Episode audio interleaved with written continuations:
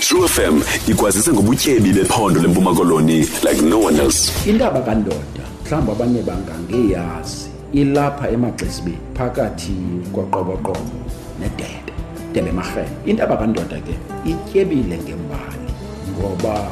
yintaba yakwaxhosa yintaba enembali esekelwe kubanye abantu abazintsika zeli lizwe amaqhakaca uzukhumbuleka amaxhosa namakhoyi yayingabantu abahlobene kakhulu ngelo xesha intaba kandoda yenye yendawo ekwakusiliwa kakhulu kuyo iimfazwe zabelungu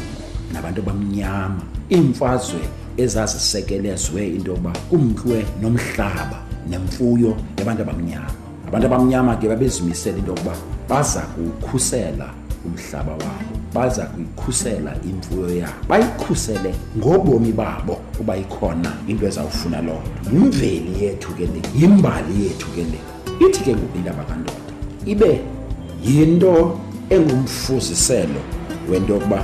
thina bantu ingakumbi abamnyama ibe yinto abazidla ngayo ndikhumbula imbongi yesizwe umqhayi wasentabozulu wakabonge ngentaba kantu evuselela abantu abamnyama into yoba bangaze bayilibale kunjalo nje xa abantu ngelo xesha babefuna into yokuba imvula ine ngexesha lembalela zazinyuka inqwelo zabantu abamnyama ziyotsho encotsheni indaba kandoda unqube phaya unqube iminyange yabantu abamnyama unqube izinyanya zabantu abamnyama ithi imbali bawuthi besihla phaya besiza bezofike ezindlini ibe isitsho imvula imfuyo yabantu itshe ivuke intaba kandoda yayisetyenziswa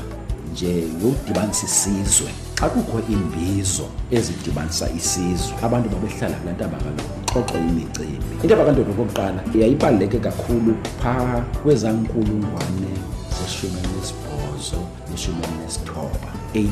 and 19 century ngo-1700 ke no-1800 abo yayibaluleke kakhulu ikisetyenziswa kakhulu ngelo xesha ishufm ibhiyozela inyanga yamafa nenkcubeko like no one else